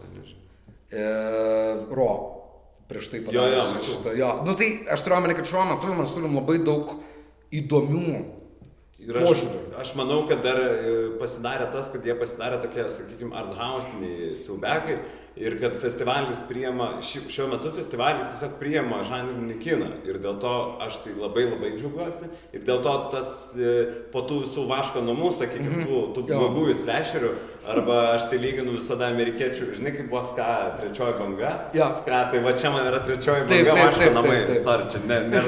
ja, čia bet, muzikos, muzikos uh, pavyzdžiai. Bet atsiranda tokie, kur jie galvoja, kad čia jėga, bet staiga ne, tai yra labai -hmm. blogai. Ir, ir, ir dabar atsirado kažkas, kad tai yra ne vien stilius ir, ir, ir žanras, o atsiranda vat, apie kažką, tai kad, kad siaubo filmai, bet kokie žanriniai gali kalbėti apie problemas, apie kažkokias temas ir atverti naujas formas. Jo, tai... nes man atrodo, kad būtent, vat, jeigu mes kalbam ten apie 70-uosius, 80-uosius, kodėl veikia labai daug filmų, tai yra dėl to, kad jie labai reflektavo visuomenės baimės. Nu, aš turiu omeny, kad jeigu mes kalbam, nežinau, apie svetimą, nu, tai, tai yra šaltasis karas, nu, tu jo turbūt kitaip negali interpretuoti. Kad yra Amerika, yra šaltasis karas, yra rusai. Jie yra svetimi, yra svetimas, kuris ateina ir, ir tai yra tiesiog labai universali baimė, kurią mes turime kaip, kaip, kaip, kaip žmonės, tiesiog. Ir daug tų filmų, nu, ir egzorcistas, aš iš vis ten, ne, ne, ten apie jį galima labai daug kalbėti. Ir kažkurio metu va, tas va, ir universalios baimės suprantamas, bendražmogiškos baimės reprezentavimas jis baigėsi. Ir tiesiog buvo, va, kaip tai sakė, jo vaško namų reikalai, kur tiesiog, tiesiog bandoma išgazdinti. Gerai. Tinka. Ačiū. Supratau, priimu atsakymą, kitas klausimas. Kuris filmas jums vaikystėje padarė tokį neišdildomą įspūdį, jog po jo niekaip negalėjot užmigti ir matėte visokias pabaisas, ten šešėlius ir taip toliau. Man atrodo, kiekvienas žmogus turi kažkokį tokį filmą, kuris, nu, kuris labai privedė prie, prie tokio siaubo. Aš tai galiu papasakoti, jo. Tai man, man tai pradžiai buvo svetimas. Uh, pirmasis svetimas, Ridlis Skotas svetimas, tai buvo uh, Bet man buvo tai, kad man kažkas, aš neprisimenu, kažkas man pradžiai, kai man buvo, nežinau, labai nedaug metų, man papasakojo apie tą filmą. Ir man jau tada buvo baisu, aš jau, ir kas tada atsitiko, ir iš kur jis išlindo, platų dar kartą man pasakyk, kaip jis atrodė. Ir aš jau bijojau, dar nepažiūrėjęs filmą. Ir kadangi mano turbūt e, e, buvo kažkoks toks, kad aš, aš jį žiūrėjau su tokiu, man jau tai buvo baisu nuo pradžių, nes aš jau buvau prisigalvojęs, aš tiesiog buvau prisi, prisifantazavęs, kaip ten viskas bus, nes man, gal tai buvo, aš nežinau, klasiokas ar kas, kas man papasakojo apie šitą visą dalyką. Ir, ir, ir tai jis mane, jo, sukrėtė, sukrėtė, sukrėtė, bet buvo labai baisu. Ir dar, man atrodo, tai buvo skambutis, japoniškas skambutis, bet iš tos pusės, kad aš bijau, kad telefonas skambindavo. Namie aš neįdavau atsiliepti, nes aš bijau, kad man pasakys, kad man liko septynios dienos gyventi. Bet čia visiškai, čia yra man tai labai gero, bet čia ką kinas gali padaryti, tai yra, man tai padarė Twin Peaksas, aš atsimenu, nes aš pas senelį žiūrėdavau seną Twin Peaksą ir aš niekart neįdavau į veidrodį pasižiūrėti savęs. Niekada. Ir, ir va čia yra tas toksai nu, šiurpus, bet nuostabus dalykas, ką kinas gali daryti, ką darė Hitchcockas su paukščiais, kad iš kažkokias nesąmonės tu pradedi bijoti nesąmonės. Telefonų ir čia yra, manau, kad talentas tą padaryti. Ir skambutis iš lygiai taip pat. Aš tai televizorių bijau žiūrėti. Jo, tai va tas yra, kad skambutis net, jeigu tu dabar atsitrauki, tai yra skambutis, jis, nu, jis yra puikus filmas, bet jeigu mes imam ten panašų žanrą, tai turbūt ten pagėža ar dar kažkas yra japoniškas gradžas, nu jis yra labai stipresnis. Bet tuo metu tai buvo toks kažkoks paprastas dalykas, kuris buvo, jis išliko. Jo. Man tai iš tų e, tikrai egzorcistas minėtas buvo, atsimenu, bet vat, labiau už to, kad e, paaugliais tai buvo visi jumpscare'ai, tai yra vėl vaško namai ir pjūkla šeši, išskyrus pjūkla vienas, kuris yra labai geras filmas. Taip. Uh, bet uh, visi kiti tai buvo tiesiog, atrodė, kad siaubekai tai yra tš, ir dėl to eina visi kino teatrą, kad tiesiog tas tš būtų garsesnis. Ir staiga žiūrėjau egzorcistą, nes tėvų nebuvo namie, mes su draugai žiūrėjom ir staiga atrodė, kad dingo garsas, nes atsirado velnės vidury, ką, vid, nu, ta prasme, š, ir nebuvo jokio garso. Ir buvo taip baisu, kad nebuvo nieko. Tiesiog, ir mes susta, sakau, tu matei, ir visi tiesiog pradėjo, ką, mačiau, kažkas nepamatė, kažkas, ir, ir tada prasidėjo visi švitėjimas, ta moteris, Jo. tos uh, dvynės ir ta... Karpe, Carpenteris, ta prasme, Jo. ir visi uh, Fingas. Uh, Jo. ir, ir, bet man atrodo, dar tuo metu buvo tas dalykas, kad kadangi prieinamumas, jis bet kokiu atveju buvo nu, nedidelis. Ir, ir bent jau pas mus tai būdavo tai, kad jeigu klasiokai kažkas klasiai pamatydavo siaubo filmą, tai jie pasakojo. Jie sakydavo, ar tu matėjai, ir jie tada vat, būtent papasako, kaip būdavo baisu. Tada mes eidavom į video nuomą, kur tu kaip ir žinai, kad tau biški negalima šito filmo, nes jis yra suaugusiam. Ir tada tu sakai, tai čia man tėtas prašė paimti filmą mm, videodromas. Videodromas dar, dar čia. Jo, bet aš turiu, bet aš turiu omeny, kad būdavo ir tada tu grįžti vienas namo ir, ir tu bandai, kol tėvai negrįžo, greitai suvartoti siaubo filmą, nes bus labai baisu. Bet va, kiek, kiek, kokį efektą daro būtent siaubo filmai? Gerai. Um, kaip dabar dažnai sapnuojat košmarus? Šiandien sapnau, bet to norėjau tik pasakyti, čia rimtai nemeluoju. Šiandien aš sapnau tokį baisų sapną, kad galvojau, kad tai yra puikiai idėja siaubekų, bet tada atsiminiau Midsommar ir visus kitus, bet tai buvo žiauriai panašu. Gal dėl to, kad aš žinau, kad eisiu šiandien į podcastą, bet e, šiandien sapnau baisų košmarą ir aš šiaip atsikeliu kokią, aš pusę devynių, šiandien atsikeliu 6.50, šlapias tiesiog. Bet ten yra kažkokie, bet nežinau ar noriu pasakyti, bet ten tikrai buvo kultas Lietuvoje ir ta prasme visi žiūrėjo, yra ta klasika gaila, nes mato, žinai, kai eini į miestelį ir kala kažkas ir pažiūri taip į tave. Žinai, ta klasikinė vieta, kur visi kažkodėl žiūri tave. Tai mane ir mano draugus kažkodėl taip žiūrėjo. Ir mes maudėmės tokiame žere, kur aš žiūriu tamsus vanduo ir aš žinau, pradžioje yra tokia, kad yra tiesiog mašina, tokia žiolepivė, įvaryta į tą mažą želiuką, bet žiauriai mažą, tikrai, nu, 10 ant 10. Ir parašyta, čia nuskendo, žinai, kažkas tai ir nerado kūno, gegužės mėnesis. Taip nedarykit scenarių, taip aiškiai, bet taip. ir niekas nekreipė dėmesį, kuris mane gegužės, o ten buvo gal birželis, aš taip įsivaizdavau, nerado kūno, mes po mėnesio maudomės 10 ant 10 metrų, tai yra tiesiog 10. Bet čia, bet čia yra siaubo filmo tas momentas, kur visi mato, kad šitie žmonės jau turėtų iš čia važiuoti. Taip. Bet jie kažkodėl pasilieka dar pabūti. maudosi visi ir ten yra tiesiog 99 procentų, kad paliesi tą lavoną, nes niekas nerado to kūno. Tai... Ir po to jo, tai, tai va šiandien tas košmaras buvo. Skamba puikiai, tai tai. Jo, jo, žinok, tikrai, tikrai ir tam galėtų gautis, aš ten turėjau, o net purtą, ne, labai baisu. O jum? Aš, aš tai kažkaip mano košmarai, jie būna kurį laiką baisus, bet tada pra- pradeda vykti kažkokios nesąmonės. Aš prisimenu irgi, aš kažką, ne, ne, ne, ne per seniausiai sapnavau kažkokią sapną, kur aš esu kažkokiuose tamsiuose namuose. Yra, yra kažkokia moteris, kuri vaikšto paskui mane, bet tokia beveik, beveik, nežinau, jau 120 metų į pabiškį mumifikuos. Yra ganėtinai baisu. Ir, ir tada vienam kambarį sėdi labradoras. Nu, ir tiesiog jis sėdi ir viskas. Ir tada yra jokinga, nes tai yra labradoras. Ir jis nebetinka prie šitos moters. Ir košmaras baigėsi. Tai aš mm, turbūt nepasakyčiau, kad aš labai dažnai Mestis ir Margarita. Jo, biškį kažkoks. Ukraini- Ukrainietiškas. kažkoks nėra toks dalykas, kurį aš labai prisiminčiau, apart tų keistų momentų, kur įtampa išsisklaido po to Nu, tu per netinkamiausių daug- Jis per momentų. daug siaubeko romantis, jam nėra baisu. Gali būt. Jis pamato nelogišką dalyką, nes pas mane tai viskas logiška. Čia ne logika, čia ne kodėl taip yra čia. Taip. Nu, tai. O ko šiaip labiausiai bijot? Didžiausia baimė. Gal net keiščiausia kokia. Po, būt po vandeniu. Neabejotinai, Ir kaip neabejotinai. tik Aš rūpintojėlį filmuot prie manęs. buvo taip, bet man, ja, bet man yra, aš žinau, dėl ko yra šita baime, nes kažkada labai labai seniai mes su mama važiavom, man atrodo, nardyti kažkur, tai, ta prasme, buvo kažkokia kelionė užsienį ir man atrodo, tai buvo tokia, nu viena pirmų ten, kur vat išvažiuoja 2000 metais, ten tėvai sutaupo pinigėlio, kad išvykti į Egiptą. Į Hurhadą ir ten gyveni, ten viešbutį ir ten yra, yra keista, nes šitokia pirma kelionė ir mes važiavom, man atrodo, nardyti e, su tais triubelėmis ir mes kažkur nuplaukėm ir sakė, kad čia plauko didelės draugiškos žuvis.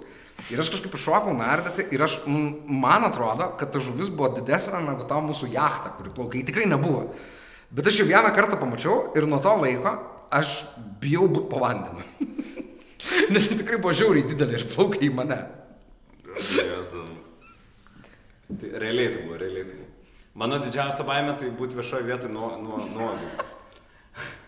O tu turi šitą sapną? Aš šitą sapną. Tu turi šitą sapną. Aš irgi turiu šitą sapną. Aš irgi turiu šitą sapną. Ta prasme, aš jau žinau, kad aš sapnuoju, nes aš tiesiog bėgu nuogas viešoje vietoje, tada mane, aš jau dabar kažkada irgi sapnau, kad mane gaudo kažkas, nu, ir aš pamatau, kad aš nuogas ir aš suprantu, aš net nebėgu, nes aš žinau, kad aš sapnuoju. Tiesiog. Bet čia yra, aš irgi turiu šitą sapną, kai tu sapno metu, tu jautiesi nuogas, nes tu stovi tam troleibusą ir tu esi nuogas. Ir tada tu supranti, kad tu sapnuoji, nes tu nestovėtum troleibusą nuogas. Ir pasidaro biškai geriau. Ir tai nežymi sapnas. O va dabar, nu, turit grojaraštį kažkokį, kur klausot muzikos. Ar tame grojaraštyje va dabar rašiau siaub, iš siaubo filmų soundtrackų? Aš tai, taip, mano būtų. Bet d- dabar čia turbūt nesutiksit, nes yra nauja suspirija ir Aha. Ten yra puikus soundtrackas, su kuriuo aš su savo montuotojai labai ginčiuosi, sakė labai blogas, bet yra iš Radiohead Tomo Jorko suspirijos garso takelis. Tai ten yra dvi dainos.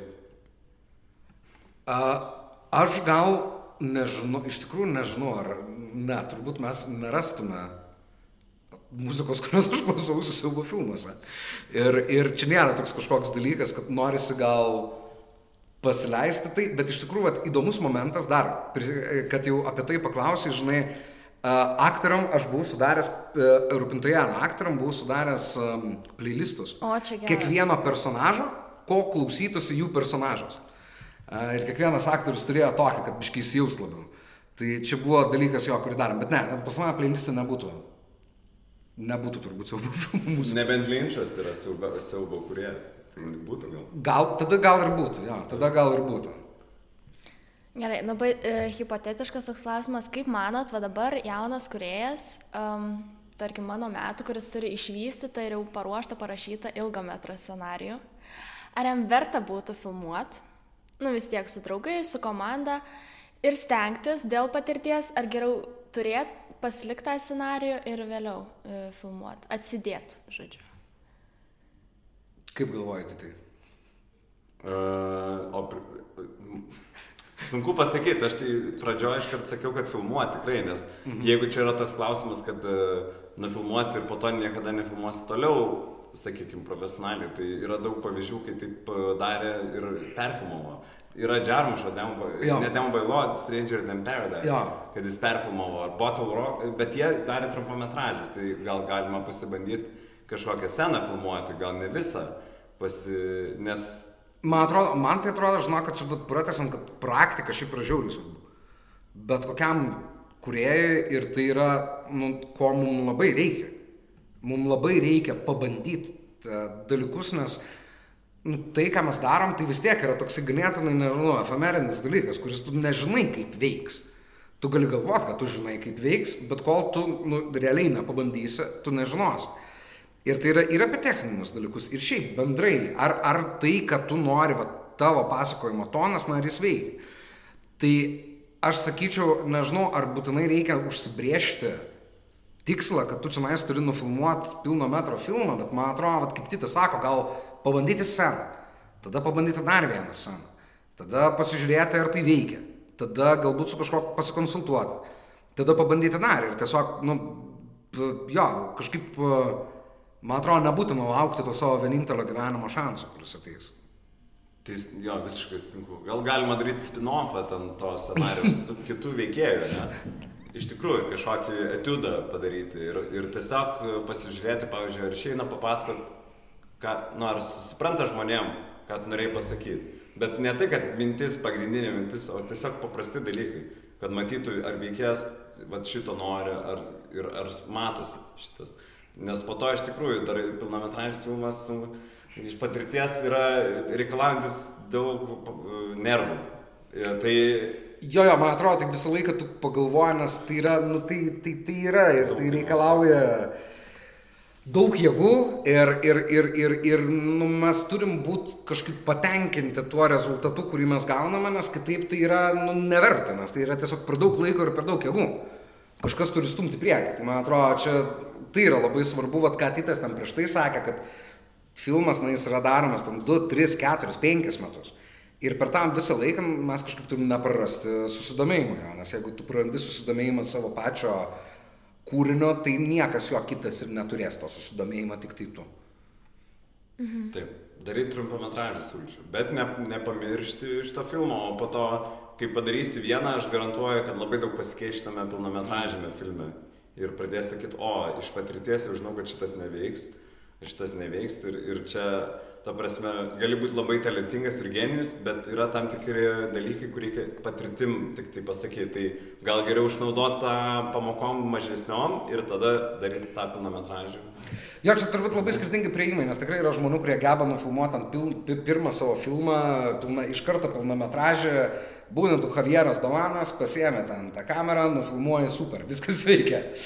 Bet yra tų ir kitų, kurie, nežinau, aš gal taip irgi labiau tą kategoriją, kur tiesiog reikia labai ten viską išsibandyti ir supras, kaip veikia, kad jaustumės pasiruošęs. Bet jis irgi darė trumpametražį. Dalanas? Ar ne? Nežinau, nu, aš taip pasakiau, kad man atrodo, kad čia buvo tas... Darė, darė, darė, tikrai. Uh, turbūt, kad darė, nežinau. Darė. Gerai. O kokie jūsų ateities planai? Ar labiau koncentruotis dabar jau, kai parašėt ir padarėt siaubo filmą ir skleisti šiaip siaubo žanrą Lietuvoje, ar jau pakako rūpintojėlio? Ar, ar tiesiog šiaip kokios temos šiuo metu jūs domina? O aš tai, tai, tai jo, aš tai planuoju tik tai, tai ir veikti. Daryti siaubo filmą? Taip. Nu taip, nu man aš nelabai ką moku daugiau. daugiau nelabai ką moku. Ne tai, kad nelabai ką moku, bet man tai yra, man, man siaubo žanras, jis man yra labai įdomus, net iš, nežinau, tokios kažkokios formatyvios perspektyvos, man įdomu, kaip jis vystosi. Aš, tai tiesiog yra tas dalykas, kuris man nu, labai labai patinka. Tai aš planuoju tiesiog uh, tęsti. O rašyt? Jo, būtent, e, ne, nežinau, jeigu pakvies e, Jonas, arba jeigu iš PR tą išpičinsiu idėją sapną, gal, gal ir paims. Ne, asmeniškai nežinau, šiuo metu aš kažkaip ne, nelabai skubu daryti, gal aš šiek tiek pavargau, nes dabar montuojam filmą, baiginėjom, tai gal labiau literatūrą uh, pabandysiu, o gal ir kaip šamas, tai nežinau.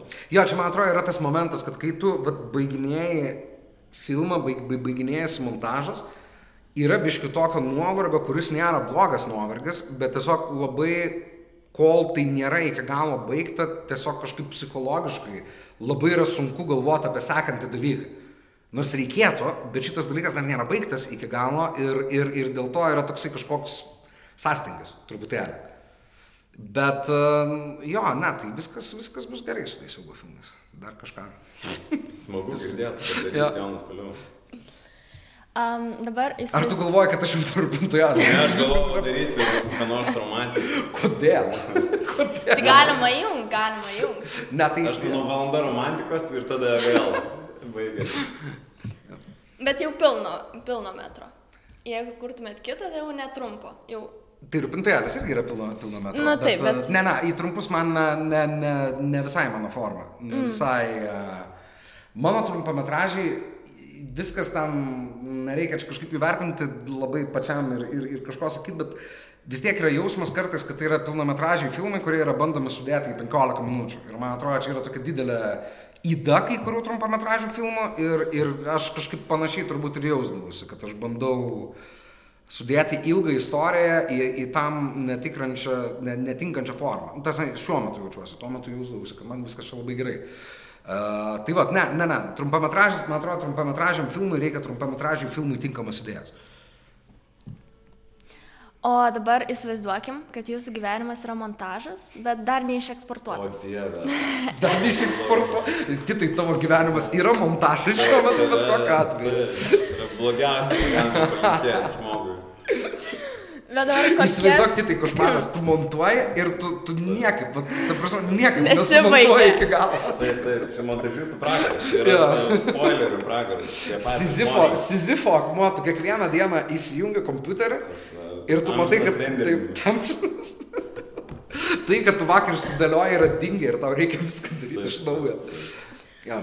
Tai šiaip, nu va, grįžtam prie montažo, kokias klaidas ar nepavykusius kadrus kirptumėt, ką ilgintumėt, ant ko dėtumėt slow motioną savo visoj kino kelioniai, nuo pat pradžių, nuo pirmų pabandymų ir va dabar jau profesionalių darbų. Eik tu savo, čia yra. Rodyti e, savo darbų, ar kur, ar Jo, ki... ne, nu kino kelionė. Ai, filmų Jų- savo, taip. ne? Nuo pirmų pasibandymų iki dabar jau, kur esat. Aš tai išmešiau visą slow motioną šiuo metu. Ką turėjau, nes labai mėgdavau ir mėgstu dar, bet dabar jau labai mėgstu slow motioną, man labai patinka. Ai, čia palauk, mes kalbam apie praktikas, kurias aš, jeigu aš mes, ne, aš, aš kaip supratau, tu klausi, vat, kokių klaidų mes bendrai nedarytumėm. Ir klaidų, ir gal, nu, va, kažką, jeigu slow motion dedam, tai kažką sulaikyti tą momentą būtent. Sulaikyti kokį momentą iš savo kelionės. Čia yra labai sudėtingas klausimas, nes tas montažas jis yra neišeksportuotas vis dar, žinai. Bet palauk, čia apie filmus mes kalbam ar apie gyvenimą? Čia apie gyvenimą, jūsų gyvenimą, bet kino gyvenimą. O jėtus, o kaip ten vadinasi, ne slow motionas, o fast forward, kaip vadinasi? Fast motionas. Mo, jo, fast motionas. Aha, ir ką, ką, Visą rašymą fast motion. Tikrai, tai yra ir beveik nieko nelieka, žinai. Tada Tada lieka, lieka gyvenimo. kavos gerimas slow motion. Tiesiog kiekvieną rytą pas mane... Ai, nežinau, aš tai kažkaip galvoju, kad e, aš tokį gal tokį jausmingesnį, kad ten yra kažkaip yra ten tų klaidų padarytų kažkokių, kurias reikia įsivertinti, bet nu, tas klaidas vis tiek padarė kažkokį, kad gal kažko išmokai. Tai būtų labai keista iškirpti, nes tada turbūt nu, nebūtum išmokęs kažko, ką dabar mokai. Tai jo, bet rašymą pasmauštų bet kokiu atveju. Ne, ne, bet teisingas. Dabar... Ja, nu aš turiu omeny, kad tai, tai, tai tie dalykai, jie yra, kartais jie yra sunkus, kartais ypatingai su rašymu, tu sėdi ir tu nežinai, ką daryti. Tu sėdi dieną, tu sėdi antrą dieną, tu nežinai, tu, ne, tu neįsivaizduoji, ką daryti. Ta prasme, ir ima nervas. Tiesiog ima žiaurus nervas, kad tu nesugalvoji. Ir tai nuskaudina teoriškai. Ta prasme, kaip aš galiu dabar nesugalvoti, kodėl čia taip dabar yra. Ir, ir, ir bet tie momentai, jie tuo metu atrodo kažkokie labai nemalonus, bet retrospektyviai tai nu, vis tiek tu galiausiai tai padarai. Jo, aš tai irgi seniau, kai žiūrėdavau filmus, sakydavau, eik tu sam, nu jau reikėjo kitaip daryti, čia reikėjo taip.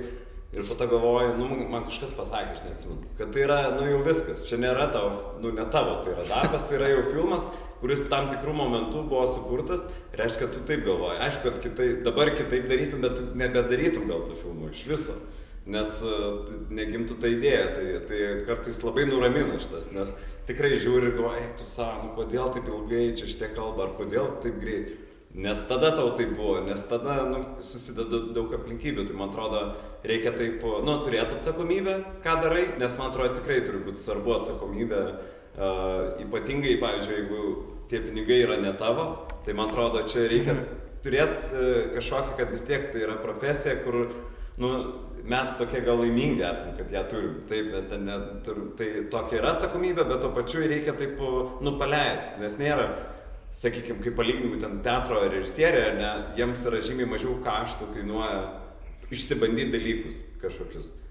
kine taip ne, neveikia. Jo, jeigu tu pabandai, tai dažniausiai Tai kainuoja, kainuoja pinigus. pinigus. Jo, ir tai, tai negali, tiesiog kartais sėdi ir dėl to tos kantrybės turbūt irgi reikia ir to tokio. Ir, ir nu, tu, tu jauti spaudimą, vat, būtent šitą spaudimą, kad nu, tavo sprendimas jis, jis turi kažkokią labai aiškę finansinę išraišką. Kad jeigu aš padarysiu taip ir man nesigaus, nu, tai mes būsim išmetę kažkokį kiekį pinigų. Bet taip irgi negali visą laiką galvoti, nes tada, nu, tada viskas gali spausti. Jo, bet gal vat, jauniems žmonėms labiau, kad e, apie laiką. Vis tiek, vat, laiko irgi neturi niekada daug. Ir tada tau reikia priimti sprendimą ir tikrai yra baisu. Kai kurie žmonės priima, kai kurie priima ir blogą. Ir tada, nu, blogą, ta prasme, ir tada sėdi ir galvoja, o ne. Tai čia tas yra, nu, tikrai, mhm. vat, kine, tai yra man, pavyzdžiui, labai stresinis šitas dalykas, kad... Yra, bet tu kažkurio Žmogui- metu gal pradedi tiesiog nebegalvoti taip apie tai kaip apie sprendimą, kuris čia viską pakeis, o tiesiog tai yra dar vienas sprendimas. Nu, taip. Tai yra dar vienas sprendimas, kurį va, ši, dabar reikia padaryti, jų bus dar 15 šiandien. Ir, bet aš suprantu, kad tu sakai, man irgi tas, tas, tas yra, kai tu tada, kai tu kažką pasakai, uh, kai Jau. klausia, ar darysim taip ar taip, ir tu pasakai kažką kartais pirmą dalyką, kuris atėjo į galvą, ir tada tu sėdi ir tu galvoji, o gal... O visi šitie žmonės daro dabar tą. Jo, jie, jie neša kažką veikia ir tu galvoji, o gal ne. Palauk, aš galiu dabar pasakyti, kad visgi ne, ar negaliu. Kaip čia yra? Jau matai, kad jau pradūrė tą žaizdą, ten ne- netikrai jau ir tu viskas. galvoji, Ar, ar padegti šitą trobą? Jo, jo. Palauk. Jo, jo. Nu, bet kaip visada, kai pagalvoji apie generolus, kokius nors mūšiuose. Jo, jo, ne, tai čia vėl- siūsti šitų šimtą tūkstančių Na, taip, arba-. Ai, siūsk. Žinai. Jo, čia ne tai, kad, nėra ne tai, kad baisu. tai ar, ar operacija vykstančia, kur tu Taip, turi priimti sprendimą, kuris jo kainuoja ne tik tavo 20 eurų, kuriuos tu išmesi dėl to, kad padarai žaizdą ne toj kūno pusėje, Wow. bet kainuoja, nu jo, didesnius dalykus. Va, iš karto ramiau pasidarė. Taip, aišku, nusiraminam. Čia mes taip nusiraminam, jo. Mhm. Tai pabaigai dabar užduodam namų darbų klausytam, kas klauso. Iki šiol dabar dar. Parek... tiesiog vyksta. Ne, ne, būtų keista. Išsiganda. Taip, galvoju, kad taip bendraučiau. Mhm. Taip. Parekomenduokit top 3 jums pačius pačiausius ir labiausiai sukrėtusius siaubo filmus, nu kurie tikrai sudarytų labai daug rūpešių einant miegot. Mhm. Uh, Labai sunkus klausimas. jo, sunkus, bet aš, e, aš tikrai žinau vieną, aš tikrai žinau vieną. Tai O gal yra- po vieną? Gerai, Vieną, vieną, vieną. gerai, vieną, gerai, tada, gerai. a, Aš tikrai sakau audition, a, jis yra a, tikrai audition, tai yra japoniškas filmas, tai yra 99, man taip atrodo, metų filmas. Um, Takashi Miike, toksai mano labai mylimas kuriejas. Jo, viskas, daugiau nieko nesakysiu. tą filmą reikia pamatyti, tu matėjai audition? Aš, ne, aš neturiu tiek nervų žiūrėti. Aš žinau, kad jis labai geras, aš kitą žiūrėjau. Bet žinau, visuose topus rekomenduoju Jono šitą, bet bijau žiūrėti. Tai aš parekomendavau. Gerai. Mano, mano yra britų filmas Karklų žmogus, Mhm. mm. Wicker Man. Jisai yra, kaip čia suintriguot, kad tai yra siau- siaubo, folk siaubas, sakykim, toks, pusiau muziklas. Šitas yra siaubo filmas. Ir gal labiau moksliukų, nerdų vadinama, bandysiu paintriguot, kad vaidina Christopheris Lee, kuris vaidino Sarumaną, žiedų valdovą. Tai jis vaidino, jis man atrodo šimtą filmų yra vaidinęs ir šitame vaidina ir dainuoja. Man atrodo ir dainuoja. Nes jis, bet jis turėjo savo grupę, man atrodo. Jos metalo, Tai metalo metalo grupė, grupė, taip. jo, ir jis ten dar grodavo dar 80 metų lipdavo ant scenos. Jo, bet jisai yra tikrai, nu, jis unikalus yra siaubo filmas, nes jis yra baisus ir labai daug inspiruotas visų Midsommar ir netgi klipų, muzikinės, visos pop kultūros labai daug. Ir yra baisus ir jokingas, kažkaip ir baisus. Man mhm. labai baisus, iš tikrųjų. 7-9 turbūt. Aha, kažkas tokio. tokio. Kažkas tokio. Aš tai turbūt dar um, iš, iš naujesnių. Filmas, kuris man pastaruoju metu padarė, bet ten paskutinių penkių metų, tai buvo Šviežiena, Ro, a, prancūzų filmas, a, Julia Ducournau. Labai Kurios- labai faina režisierė. Jo, kuris šiais metais laimėjo, laimėjo, laimėjo Kanų kino festivalio su Titana. Tai, tai yra jos pirmasis filmas, Šviežiena. Uh, kažkada, man atrodo, rodė būtent kino pavasaris, jeigu aš neklystu, kur aš jį ir pamačiau. Ir tada, ir tada iš tikrųjų buvo keistas momentas, nes aš tą filmą mačiau keletą kartų. Ir antrą kartą, kai žiūrėjau, arba trečią kartą, jis man visiškai nebuvo jokingas. Bet kino salėje, per kino pavasarį žmonės juokiasi. Vyksta labai, nesuspoilinant, keisti dalykai, ir, bet visa salė žviegia iš juoko. Ir tas kažkoks groteskas man gal labiau įsiminė kaip, jo, ka- na, na, na, bet, bet kokiu atveju labai jautrus filmas, man atrodo, yra, jeigu mes paimsim siaubo žanrą. Mhm. Baisu, baisu, dabar atrodo, nieks nebūčiau pasiruošęs, būčiau žinojęs. Bet dabar kas šauna galvą, tai turbūt aš mėgstu gotikinius siaubiakus labai. Ir e, vienas toksai, kur man padarė labai įspūdį, yra The Innocents. Nekaltieji, ar Jo. nekalti. Ten 54 kokių ten metų yra.